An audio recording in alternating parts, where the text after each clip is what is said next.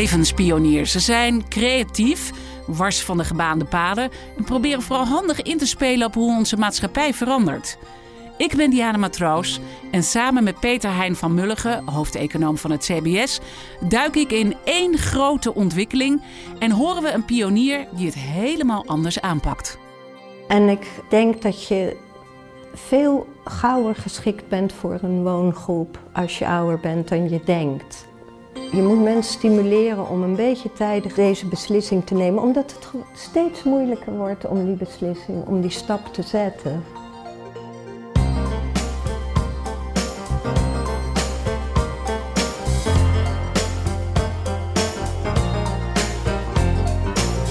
Ja, een van die maatschappelijke ontwikkelingen waar levenspioniers slim op proberen in te spelen, is de gevolgen van de toenemende vergrijzing. Want daardoor staat bijvoorbeeld onze zorg en hoe we wonen onder druk. En dus moet je nieuwe manieren bedenken om daarmee om te gaan. Straks hoor je meer van de levenspionier. Maar eerst de belangrijke context met Peter Hein van Mulligen, hoofdeconoom van het CBS. Peter Heijn, je bent natuurlijk zelf nog heel erg jong. Piepjong. Piepjong. Maar denk je er wel eens over na hoe dat later gaat? Nou, eigenlijk uh, misschien wel teleurstellend weinig. of, of, minder dan ik zou moeten doen. Maar inderdaad, voor mij is het pensioen nog een beetje, nou, minstens 25 jaar afhankelijk hoe hoog de AOW-leeftijd dan is. Ja, maar ik hou me er niet echt mee bezig of ik eerder wil stoppen of zo. Ik vind mijn werk ook nog hartstikke leuk, dus ik ja. zie ook helemaal geen reden om dat En je ouders misschien? Ja, die zijn al met pensioen uh, en uh, die hebben het verder prima. Die, eh, die hoor ik daar in ieder geval niet over klagen. Mijn uh, vader eh, was net uiterst tevreden met zijn loonsverhoging van 12% die hij had gekregen, zoals hij dat noemde. Dus uh, ja, en, en, voor mijn schoonouders geldt hetzelfde. Dat, ja. die redden zich allemaal prima.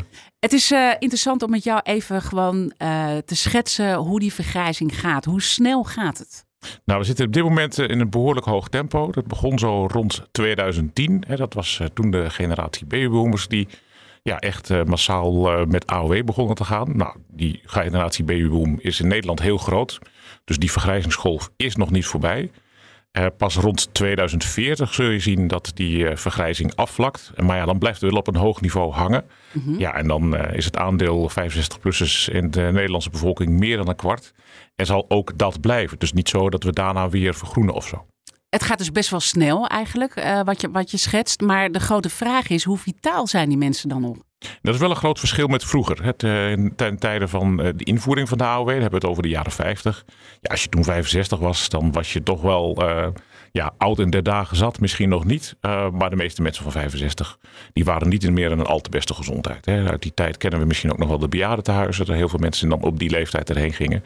Ja, dat kun je nu niet meer voorstellen. Nee. Je hebt genoeg collega's die 65 zijn of ouder. En ja, die zie ik niet achter de geraniums verpieteren.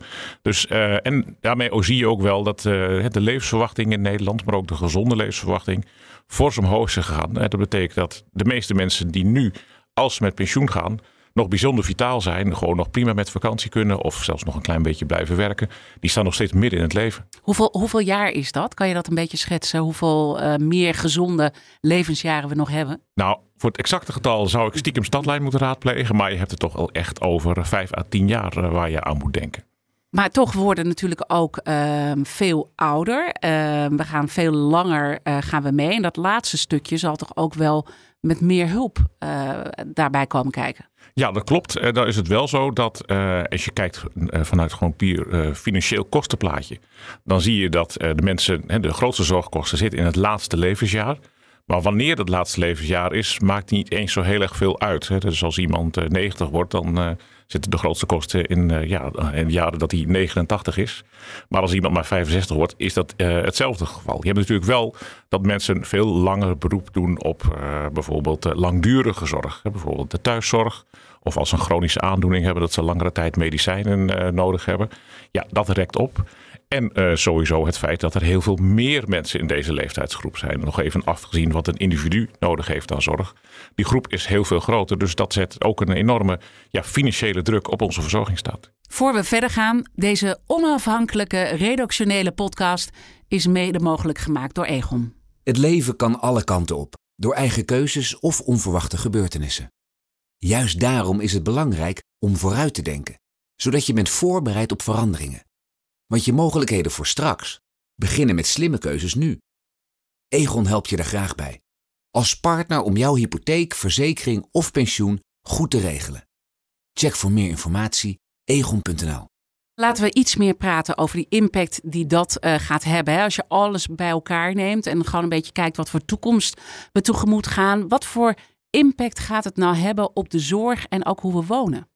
Nou ja, op de zorg uh, zal het alleen maar uh, ja, een groter beroep gaan doen dan het nu uh, al doet. De, de zorg is daar eigenlijk nu al eigenlijk een soort hollebolle gijs van de overheidsbegroting kabinet na kabinet zegt van dat is een probleem, we moeten bezuinigen, er moet minder geld naar de zorg, want het kan zo niet.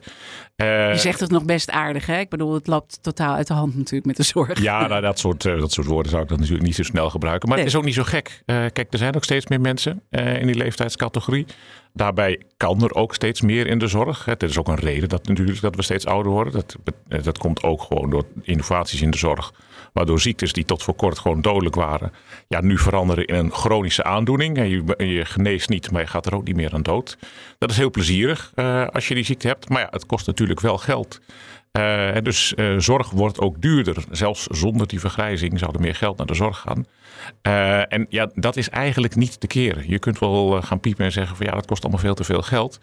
Ja, het alternatief is dat je er niks aan doet en dat je denkt van, nou ja, oké, dan worden mijn mensen maar niet zo oud. Het, dat moeten we dan maar accepteren. Hebben we tenminste meer geld om naar Bali te gaan of andere leuke dingen. Maar ja, zo zit de wereld niet in elkaar. Het is eigenlijk onherroepelijk dat er meer geld naar de zorg gaat. Dus ja, als je dat de enige manier om daar nog iets tegen te doen is toch inzetten op economische groei, zodat dat geld ook verdiend wordt. En als je dat nou combineert met hoe we wonen, wat voor probleem zie je dan op ons afkomen? Ja, dat is een, eigenlijk nog een heel uh, apart probleem. Uh, nog even los van uh, de zorgkosten met thuiszorg. Als mensen lang thuis zelfstandig blijven wonen, hebben ze dan hulp aan huis nodig. Maar ook de woonruimte zelf. Er, er, wordt veel gezegd over de problemen die migratie zorgt voor de Nederlandse woningmarkt. Nou, ik denk dat de gevolgen van migratie voor de Nederlandse woningmarkt eigenlijk maar een soort randverschijnsel zijn. Die in sommige tijden wat meer op geld doet in het andere. Maar de vergrijzing, ja, die zet veel meer een structurele druk daarop. En dat heeft ermee te maken dat er ja, steeds meer huishoudens bij komen. Want heel veel van die mensen die wat ouder worden, die verliezen op een gegeven moment hun partner.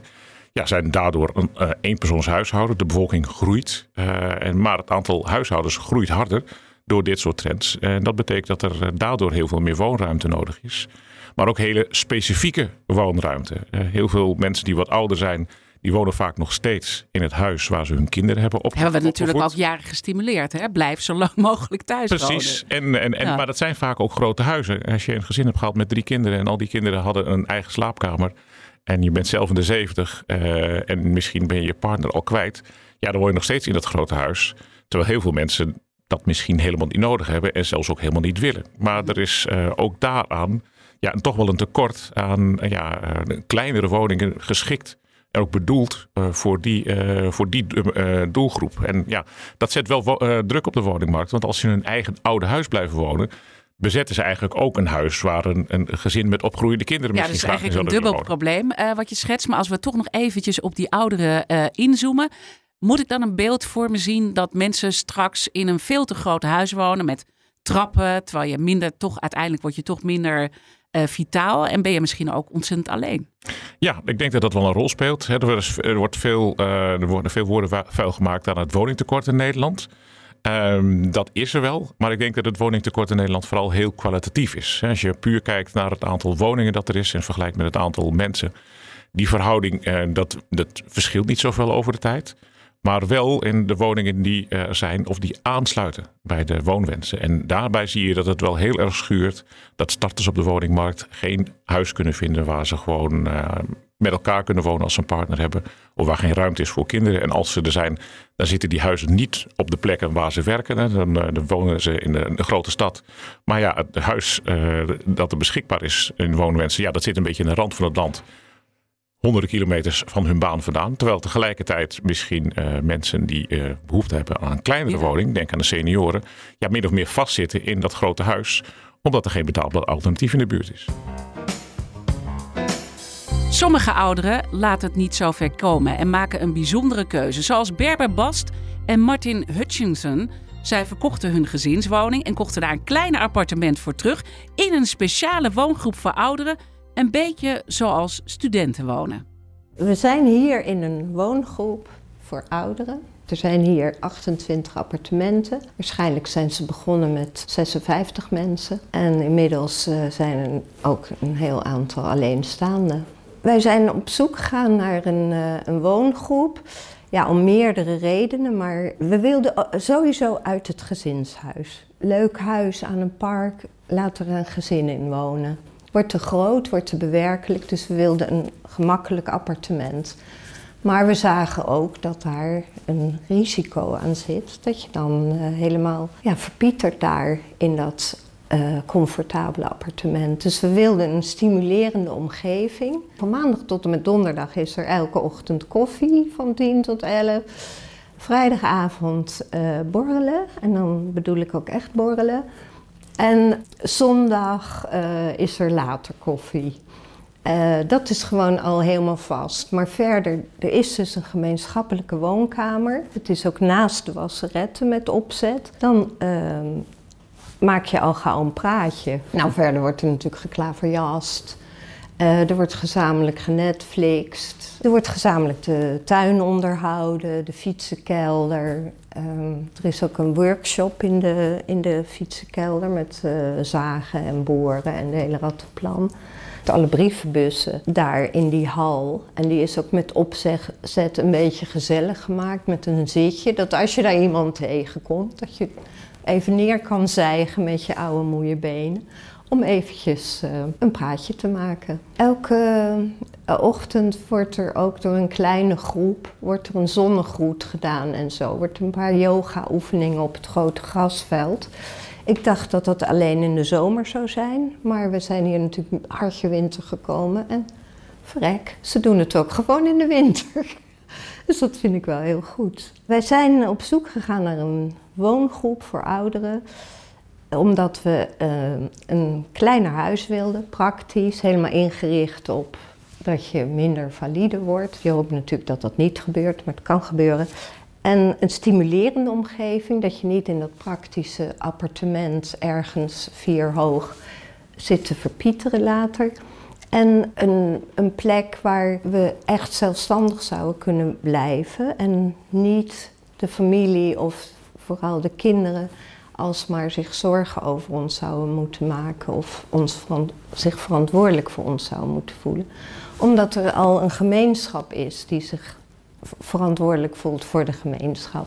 Je moet je ook weer niet voorstellen dat je hier door je buren verzorgd wordt. Het is wel zo dat je allemaal een, een vast maatje hebt. En dat is gewoon heel praktisch voor als je ziek bent of langere tijd er niet bent. Dat die zorgt dan voor je, voor je huis. En die belt dan elke ochtend even als je ziek bent van hoe gaat het. En die voelt zich dan verantwoordelijk. Maar als je dan echt zorg nodig hebt, dan uh, moet je naar de wijkverpleging of wat dan ook.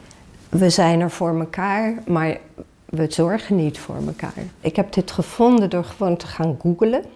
En toen kwam ik er al snel achter dat er een landelijke vereniging groeps wonen ouderen is. Je moet kennismakingsgesprek uh, aanvragen om hier binnen te komen. Je kan niet meteen aankloppen van uh, er staat hier iets leeg, ik wil erin. Het zijn hier allemaal koopappartementen. Koopappartementen zijn best wel duur. Dit huis stond voor 4,20 en we hebben het voor 4,30 gekregen. Wat het moeilijk maakt om een woongroep te vinden voor ouderen is dat je een plek moet vinden. Er moet iemand dood, plat gezegd. Het is moeilijk om echt de stap te nemen. Je gaat het doen als je denkt van over een paar jaar, hè, dan zijn we daaraan toe. En, maar nu nog niet. En dat blijven mensen heel lang denken. En dan uiteindelijk zitten ze heel zielig in een veel te groot huis. Uh, want het is ook, ook voor onze leeftijd al een hele oppak, zo'n verhuizing. Dat doe je niet zo makkelijk als je 60 plus bent. Mensen blijven maar denken dat ze niet oud worden. Voor mij was het niet zozeer confronterend om met de dood bezig te zijn. Maar wat wel confronterend voor ons was, dat de meeste mensen hier echt stokoud zijn. Mensen worden ook statistisch gezien in een woongroep ouder dan buiten een woongroep. Het leuke is om te zien dat ze toch nog heel actief zijn.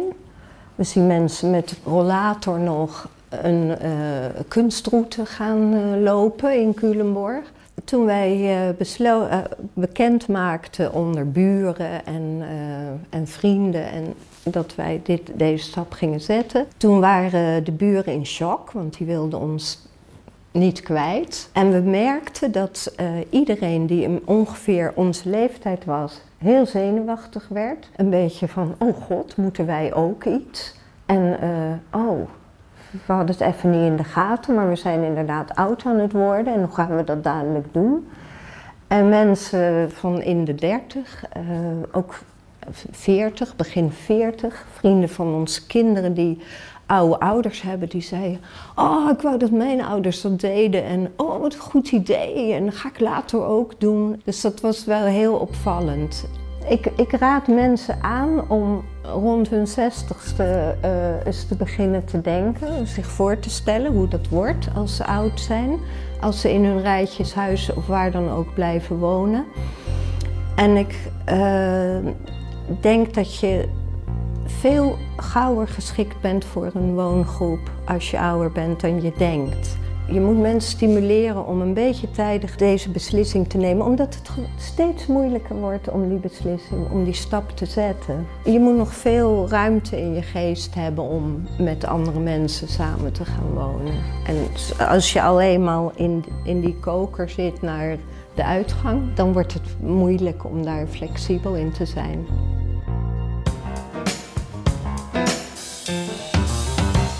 Ja, wat vind je ervan? Uh, is dit een beetje een slimme manier om met de situatie om te gaan, die je eigenlijk net ook heel duidelijk al hebt geschetst?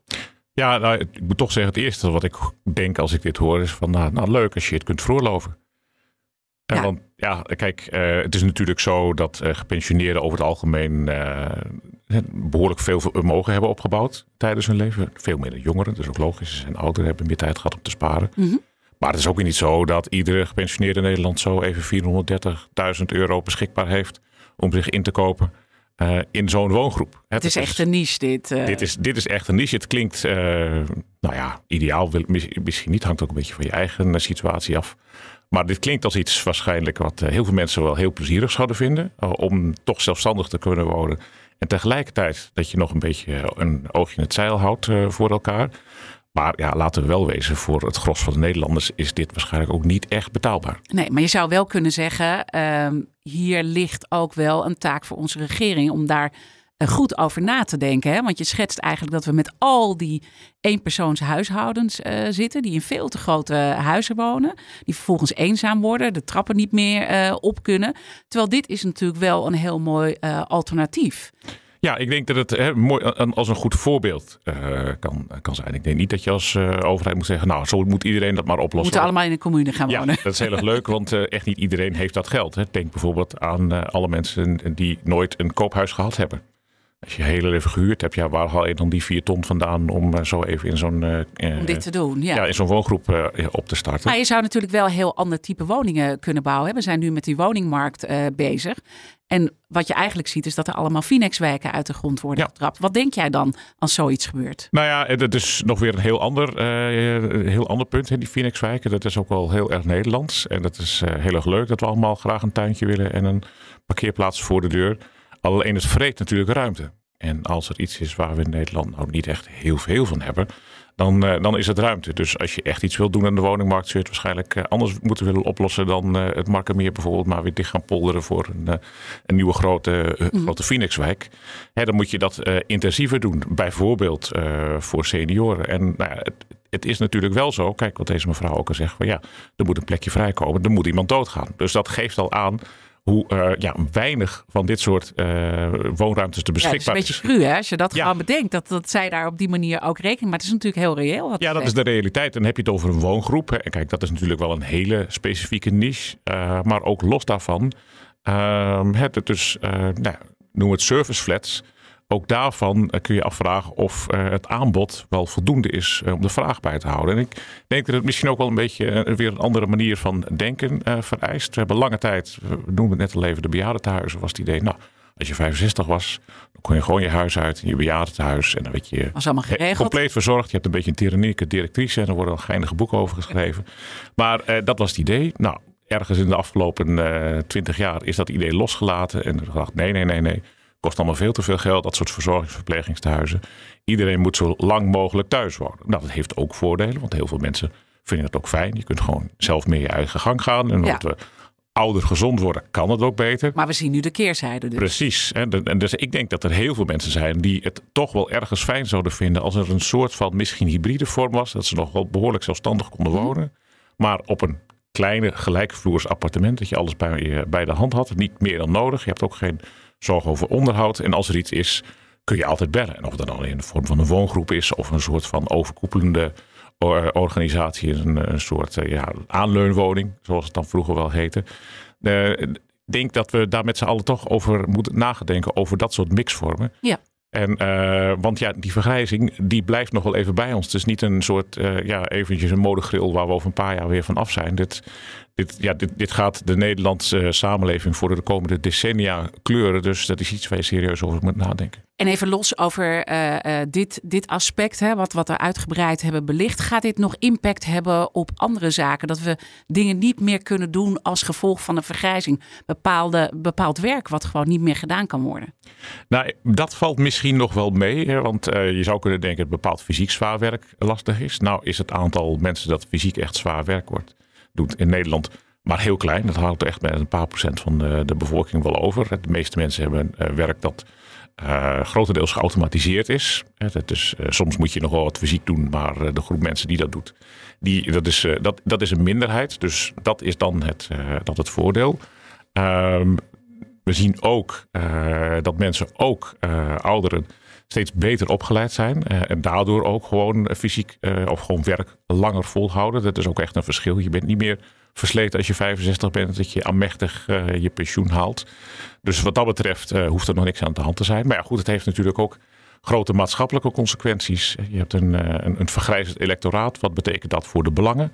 van eh, mensen. Eh, Krijg je dan, zoals Klaas Knot zegt, eh, echt een rentenierssamenleving. Dat er vooral wordt gekeken naar de belangen van mensen die een pensioen krijgen. En minder naar de mensen die hun geld verdienen door gewoon te werken. Dat zijn, dat zijn ook zaken waar, waar je allemaal gevolgen kunt zien. Ja, die nu nog. eh, ja, Ja, dus dat we heel goed- veel niet goed 50-plus overzien zijn. stemmers eh, uiteindelijk gaan krijgen. Die vervolgens het beleid gaan bepalen voor Nou ja, Nederland. goed, en niet iedere 50-plusser of gepensioneerde zal alleen maar denken van... nou ja, eh, nee, zolang mijn pensioen krijg en het geïndexeerd wordt... dan zal de rest maar aan eh, de kont roesten. Dat, dat, eh, die zul je ze hebben, maar die waren toen ze wat minder oud waren... waarschijnlijk ook niet zo heel erg aangenaam. En dat geldt echt niet voor iedereen. Maar eh, ja, kijk, je krijgt andere belangen die in een, in de maatschappij gaan, gaan tellen. En ja, wat, hoe, hoe geef je dat vorm in een democratische rechtsstaat? Dit was Levenspioniers. In de volgende aflevering kijk ik samen met Peter Heijn naar de veranderende balans tussen werk en privé. En spreken we een gezin dat er gewoon lekker een jaar tussenuit gaat. Ik heb ontslag genomen. Mijn man heeft een soort van onbetaald verlofconstructie genomen. Nou, mijn ouders zijn een soort van oude hippies. Die vonden het helemaal leuk en die zeiden ook van... oh, hadden wij ook moeten doen vroeger. Sommige mensen vonden het ook heel erg moeilijk. Deze podcast werd mede mogelijk gemaakt door Egon. De sponsor heeft geen invloed gehad op de inhoud van deze podcast. Met dank aan onze expert Peter Hein van Mulligen en Berber Bast.